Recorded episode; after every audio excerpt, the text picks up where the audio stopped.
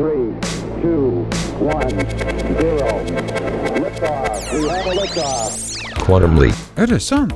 Quantum leap. Kvantensprung. Kvanthopp. Det du inte visste att du ville veta. Kvanthopp snabela yle.fi. Hej och välkomna till Kvanthopp tillsammans med mig Markus Rosenlund. Den här veckan i onsdags närmare bestämt för exakt 111 år sedan publicerade Max Planck kvantteorin just som många ansåg att fysiken hade blivit tråkig och kunde förpassas till ett museum för att samla damm. Och i och med kvantmekanikens intåg var inget riktigt som förr. Kvantmekaniken är fysikens rock'n'roll om man frågar mig.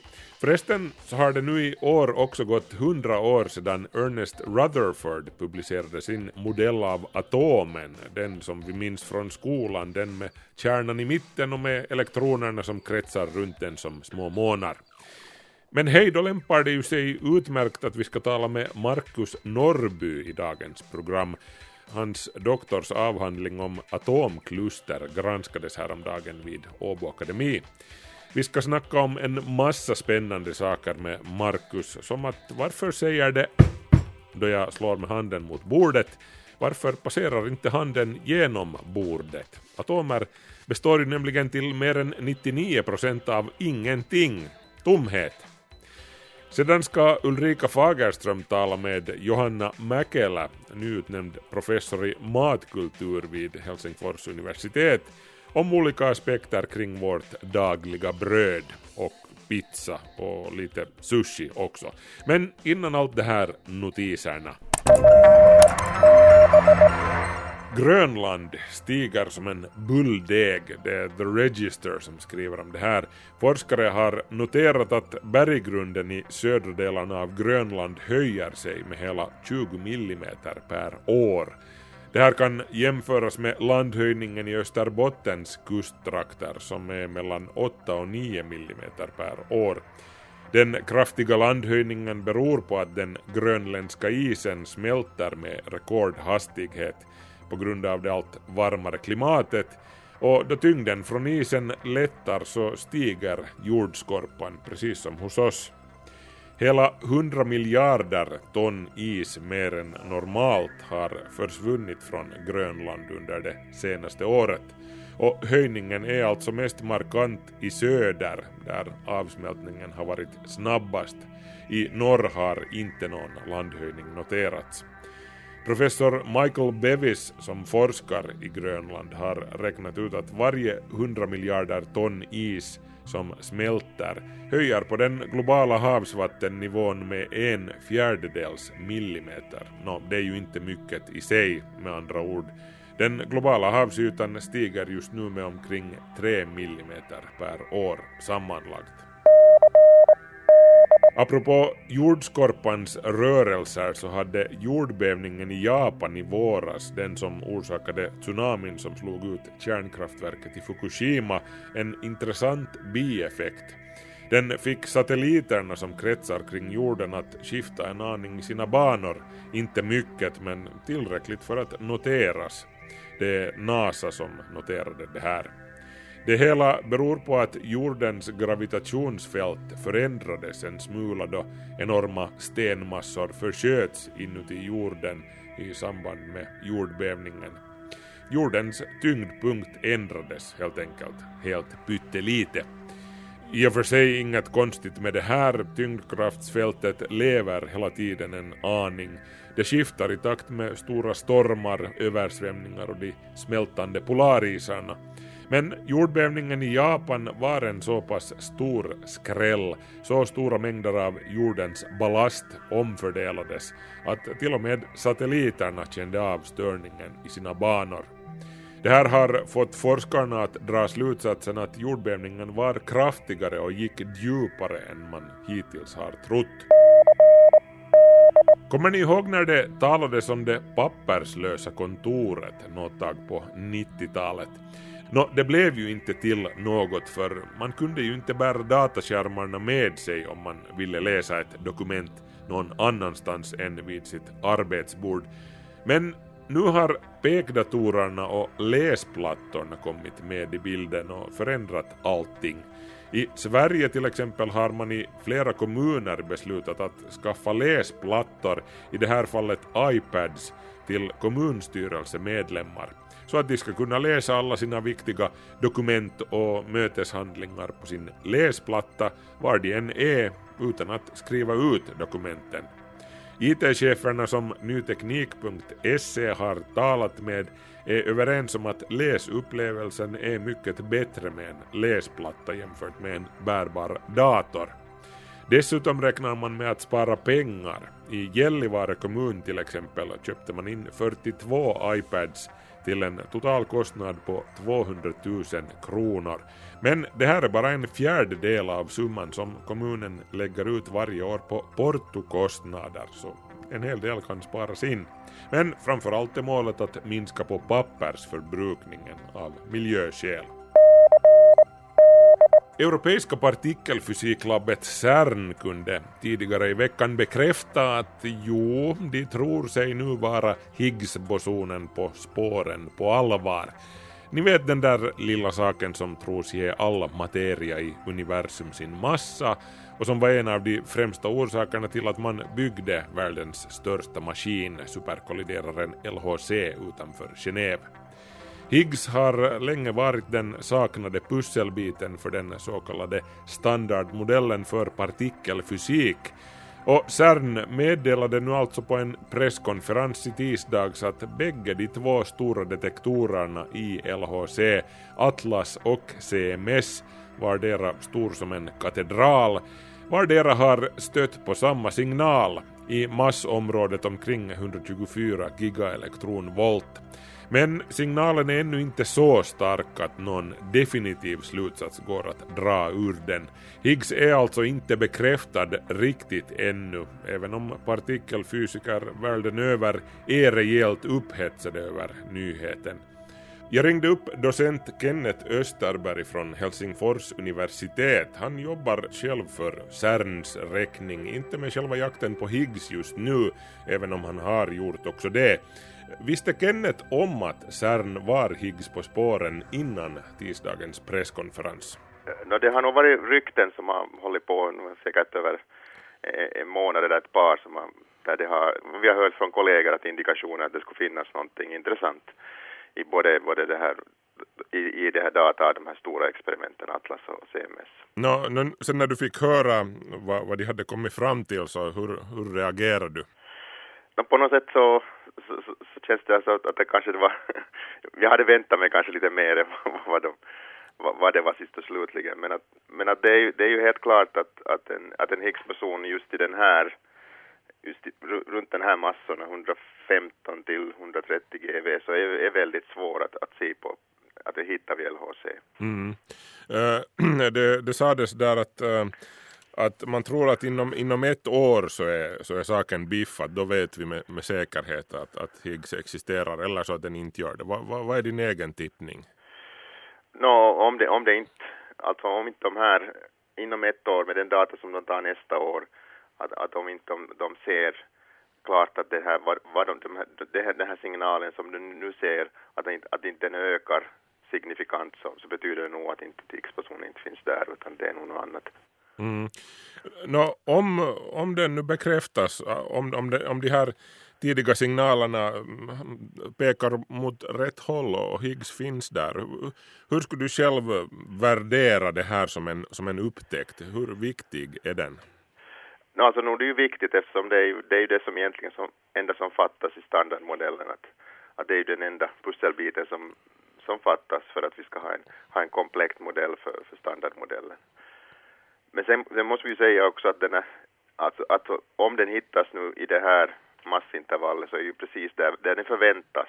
Mm. Så att det är ju som ett, så att säga en snäll Higgsboson. Det, det, det gör precis som vi har, som det förutsägs. Så att, Mm. No, men om den nu hittas, vad, vad sen då? Känns livet tomt när en av de här stora frågorna som en, en av de främsta orsakerna till att man byggde LHC eh, är löst, så vad sen då? Nej, om det hittas betyder det ju att, betyder det, det att vi måste, måste, måste göra precisionsmätningar och förstå förstå hur den, hur den sönderfaller, exakt vad är dess massa och så vidare, för att, för att förstå vad som, vilken, vilken är den där uh, teorin bakom. Mm. För vi vet ju att standardmodellen inte är komplett, att den, den till exempel innehåller inte gravitationen och så vidare. Den har många, många saker som, som den har problem att förklara. Mm. Så också om Higgs blir bekräftad så är Ja. jakten ingalunda slut där. Nej, nej, nej. Och det finns ju till exempel också att vi vet ju att det finns uh, stor del av, av universum som innehåller ju mörk materia som inte, som inte finns inom standardmodellen. Det finns inga partiklar som skulle kunna förklara, förklara mörk materia inom standardmodellen. Så det finns nog, det finns nog massor av grejer fortfarande att, att, att titta på. Mm. Nå, no vad sen då om, om det skulle gå så tokigt att det här visar sig vara ett falskt alarm så, så vad sen då? Hur skulle du själv reagera på den nyheten om, om, om Higgs inte skulle, skulle hittas? No, det skulle ju betyda att, att vi, får, vi får fundera på nytt hur, hur, vi, hur vi ger de här massor, hur, hur- hur, de här partiklarna inom standardmodellen får massor. Vi måste hitta på en ny mekanism.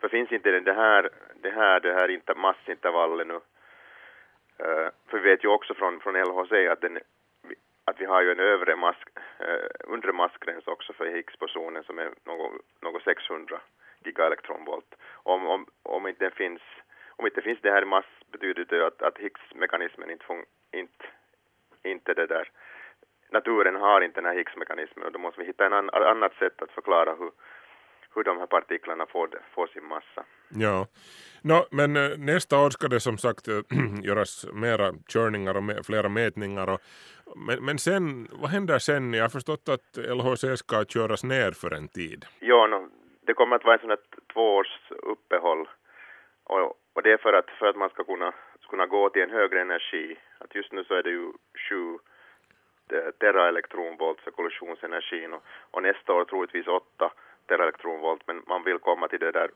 det där som är designat, alltså 14 teraelektronvolt. Hur ska man trimma maskinen för att komma upp till den effekten? No, man måste helt enkelt trimma de här magneterna, dipolmagneterna, det är den, den främsta uppgiften som man gör under de här två, två åren. Att man helt enkelt kan, kan hålla ett väldigt högt det där magnetfält i de 7 Tesla i alla de här magneterna som finns runt i, i, LHC. Vad ska CERNs personal syssla med under tiden medan man väntar på att LHC tas i bruk igen? No, vi kommer ju ha mycket data att analysera så att det, på, på, fysikerna så är det inget problem. Och dessutom den tekniska personalen kommer ha alldeles tillräckligt att, att, att jobba med LHC för att, för att trimma det för att sen ta, ta det i bruk sen år 2015. Ja. Okej, bra. Tack för, tack för den här uppdateringen och lycka till i fortsättningen. Tack. Ja, tack, hej. Vi ska fortsätta på temat fysik lite senare men först kan vi ju konstatera att mat är viktigt. Det anser man också på Helsingfors universitet och har med hjälp av donationspengar instiftat en ny professur i matkultur. Johanna Mäkelä heter den nya professorn som ännu en kort tid jobbar som forskningschef på Konsumentforskningscentralen innan hon tillträder sitt nya jobb den 1 januari. Ulrika Fagerström fick en pratstund med professorn.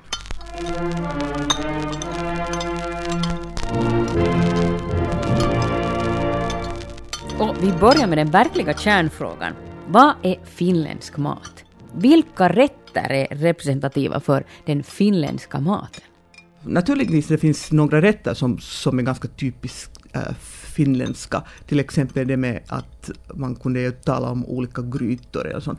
Men kanske det är mera också fråga om, om uh, särskilda ingredienserna som vi som finländare identifierar som typiskt för oss. Till exempel eh, insjöfiskar, eh, olika bär, svampar. Och, och jag tror att, att eh, vår matkultur ligger också i smaker. På det sättet att, att, att vi har en känsla att, att hur ska det smaka om vi lagar mat av de här typiska ingredienserna som vi kan eh, hitta i Finland. Mm. Grytor, bär, svampar sa du. Är det det som man då hittar till vardags på finländarnas matbord? Ja, troligen i grytor hittar man, men jag vet inte så mycket om svampar, det kan vara ju champinjon i för tiden. Men, men äh, det är ju en annan sak att, att vad är vårt sådan identitet äh, beskrivelse av matkulturen och vad äter vi vardagen. Men naturligtvis de här två sakerna sällskapar med varandra. Och jag tror nog att, att, att det finns äh, om till exempel om, om sådana rätterna som, som, som har eh, rötter i en annan matkultur. De har sådana drag som faktiskt berättar att de lagas i, i Finland. Till exempel, vi vet alla att pizza är, är mycket populär i Finland. Men jag tror nog att de pizzor som man äter här i Finland är lite olika än i Italien, eller särskilt i Napoli.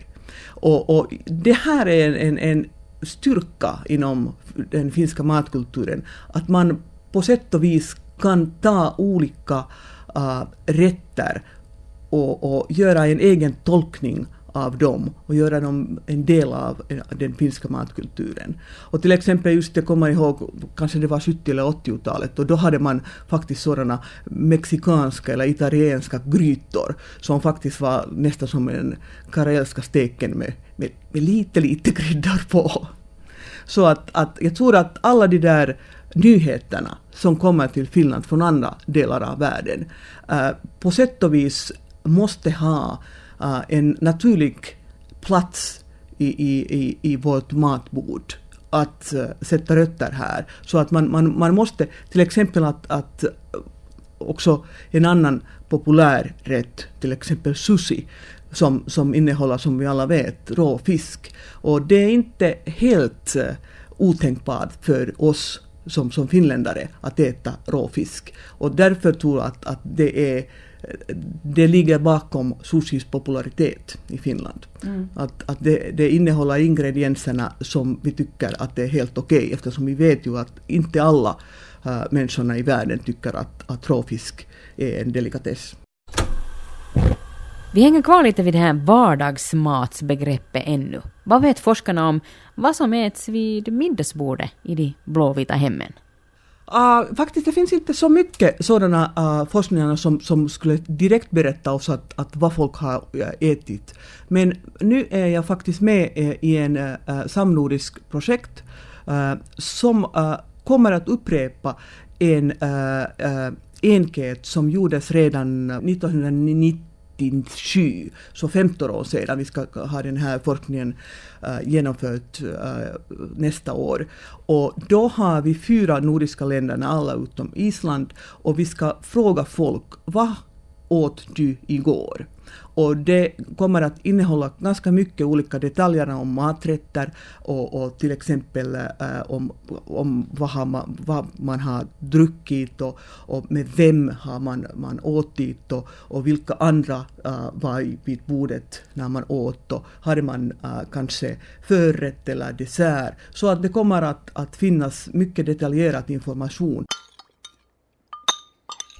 Ser du någon skillnad mellan finsk och finlandssvensk mat? Ja, det, är, det är en lite svår fråga, men jag skulle säga att kanske det är just en fråga om ingredien, ingredienserna, till exempel det att, att om man tittar på, på matkulturen inom skärgården, då hittar man ju naturligtvis mera fisk där. Och kanske det finns också några varianter av, av, av olika bröd som är typiska till, till svenskspråkiga områden. Mm -hmm. till, exempel, till exempel det här med skärgårdslimpa, typ av, av brödet. Hur vi konsumerar mat är hela tiden i förändring och det är också föremål för forskning. Det är ett av områdena som Johanna Mäkelä har sysslat med i sitt nuvarande jobb som forskningschef på Konsumentforskningscentralen. Jag frågar henne vad som då har förändrats sedan eh, ska säga, mitten av 80-talet.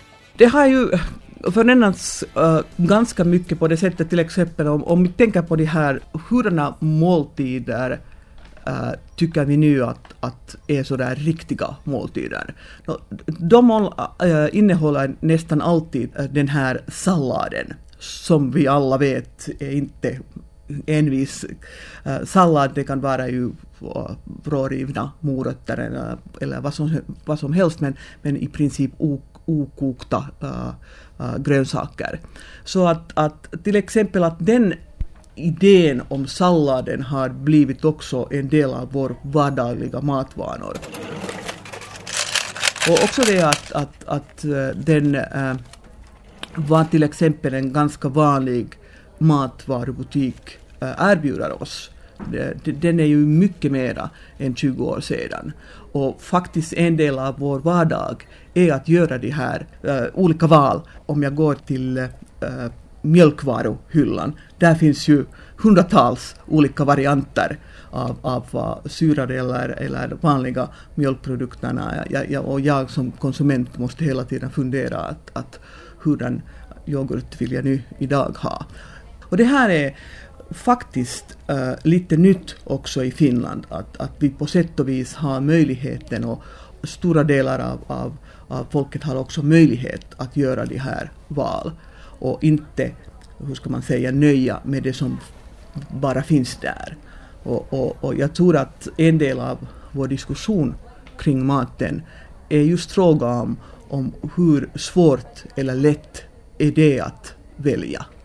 I sitt nya jobb som professor i matkultur vid Helsingfors universitet så ser Johanna Mäkelä dels fram emot att få fungera som lärare för universitetets studerande, dels att få ta del i och analysera debatten om mat i dess olika former.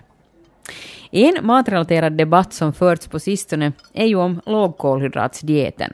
Den diskussionen har faktiskt förvånat Johanna, speciellt tonen i den. Eh, för mig som en forskare är det jättespännande därför att, att, att nu tycks det vara så att, att det finns bara två möjliga dieterna. Den som är, som är låg kolhydrat, i kolhydraterna eller den som är låg i fetter.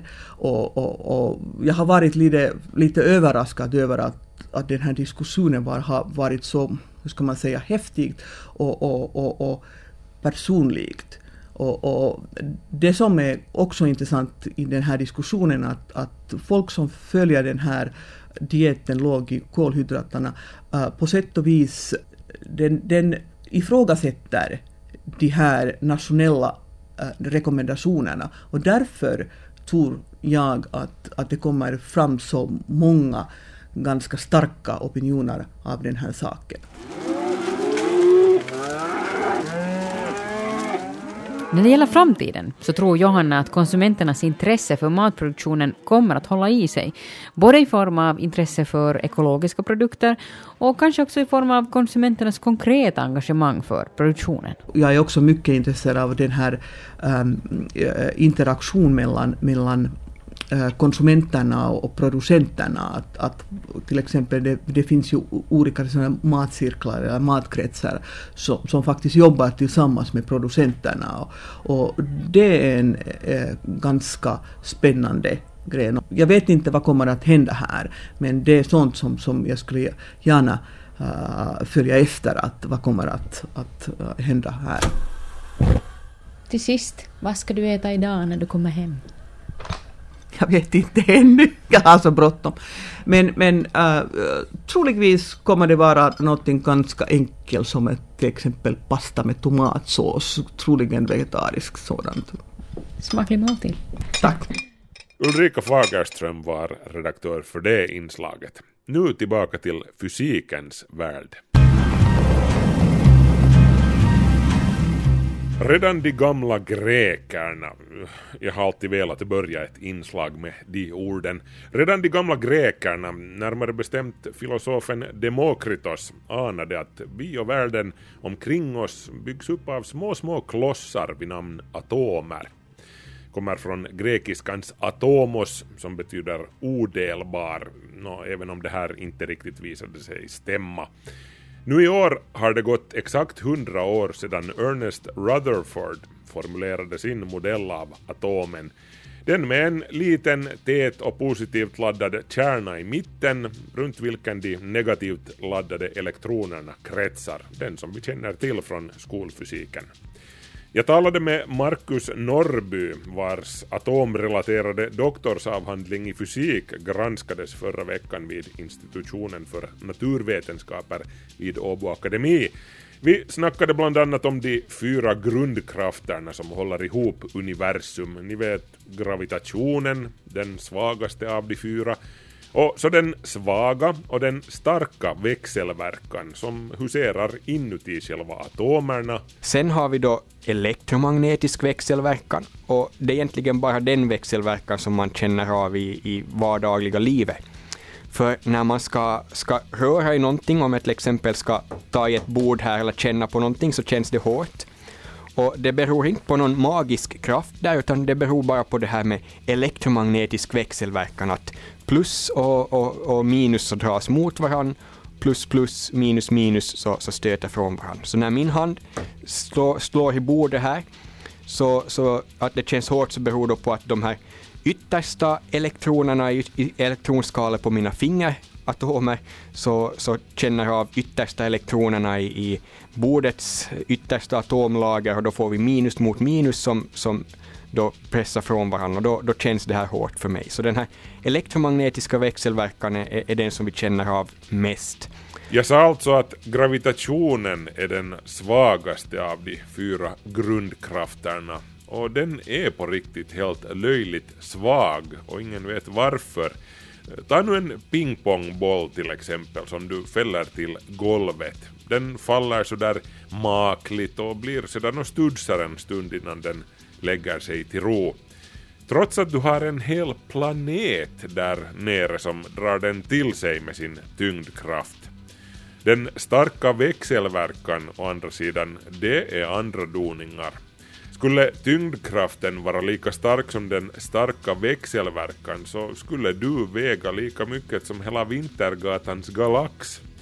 Men den starka växelverkan behöver vara stark. Inuti atomkärnan så finns ju eh, protoner som alla är plusladdade. Så i princip borde de flyga ifrån varandra, men på grund av stark växelverkan så hålls de ihop. Eh, grejen med stark växelverkan däremot är att den har väldigt, väldigt kort räckvidd. Så den har bara räckvidden av en, en kärnradie ungefär. En miljardedels av en miljardedels av en meter. Och, och är man längre från bort än så, så, så känner man inte alls av den. Så, så den är väldigt stark men har mycket kort räckvidd. Nå jo, men det här vet vi ju sedan tidigare och det var faktiskt inte orsaken till att jag ville intervjua Marcus Norby. Eh, nej, jag ville fråga om hans doktors avhandling Alpha Cluster Structures in Medium Light Nuclei. Saken är nämligen den att trots att det i år har gått hundra år sedan Ernest Rutherford formulerade sin teori om atomen så är det fortfarande väldigt mycket vi inte vet om atomerna och varför de slår sig samman som de gör till solar, planeter och oss. Bland alla försök att beskriva det här finns de så kallade klustermodellerna. Så det jag har gjort i korthet är att jag har undersökt några speciella isotoper av, av svavel och kalcium och försökt undersöka när inträffar det här, när, när kan man se den här kärnan som en, en grupp kluster istället för enskilda neutroner och protoner. Och eh, vi har kommit fram till att, att det, det finns speciella omständigheter när, när det verkar vara, finnas tydliga sådana egenskaper och som vi hoppas att man då kan eh, använda för att, för att göra bättre modeller av de här atomkärnorna och en, en mer generell eh, teori för, för atomkärnans byggnad. Norrby påpekar att hans forskning i allra högsta grad handlar om grundforskning. Det är inget som kan användas till att bygga en kvarn som mal pengar. Men däremot kanske energi en dag.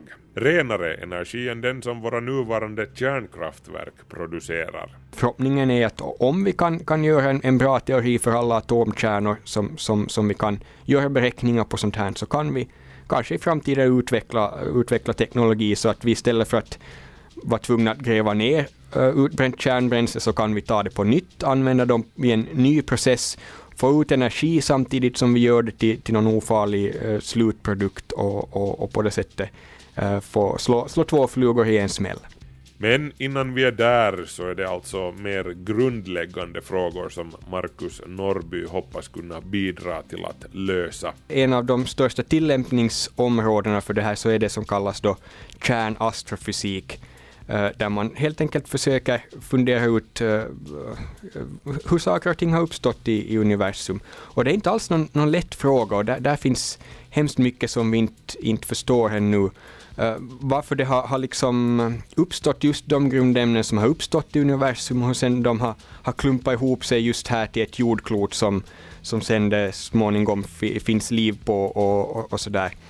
Eh, och, och, just de här klusterresonanserna som jag har jobbat med, så en, en, en bit i, i det här pusslet, en, en mycket, mycket liten bit vill jag ju nog tillägga, men, men ändå så en, en bit i det här pusslet som, som forskare försöker lägga kring hur, hur, hur grundämnen har uppstått i universum helt enkelt. Ännu apropå själva atomen. Vi tenderar ju att tänka på den som ett litet planetsystem med kärnan som planet i mitten och elektronerna som små månar som kretsar kring den med en väldig fart. Markus Norrby arbetar i det civila som fysiklärare vid Vasa övningsskola. Hur synliggör han atomen för sina elever? Ja, det, det där är en bra fråga och, och, det första man måste komma ihåg är, är de här storleksordningarna som är helt, helt vansinniga att, att förstå. Så, så man, eh, om man tänker sig en atom, så, så om du tänker dig att ditt huvud är en atomkärna, så, så har du ett antal elektroner som, som då hör till den, den här kärnan. Och, och om, om atomkärnan är av storleksordningen som ett, ett människohuvud, så betyder det att de här elektronerna, som, som inte är så hemskt många, kanske bara en, en två, tre stycken om det är ett lättare grundämne, så de finns på ett sådant avstånd som ungefär en kilometer bort från, från ditt huvud, och, eh, ungefär som ett sandkorn. Så om du tänker dig där du sitter, ditt huvud är en atomkärna och så har du då två elektroner som, som kanske hör till dig. Så, så den ena finns liksom på, på ena sidan av dig, ett sandkorn en kilometer bort och så finns det en till elektron någonstans på andra sidan en, en kilometer bort. Och, och allting annat är ett tomrum. Det är bara de här två sandkornen som på något sätt virvlar omkring och, och äh, ditt huvud som, som gör att den här atomen känns faktiskt som en rund och hård, hård boll. Två sandkorn på, på en kilometers avstånd. Och det där är, tycker jag är jättefascinerande konstaterade Marcus Norrby och ni kan ju fundera på det här tills nästa vecka för nu är Kvanthopp slut för den här gången. Marcus Rosenlund så heter jag som tackar för visat intresse. Hej så länge!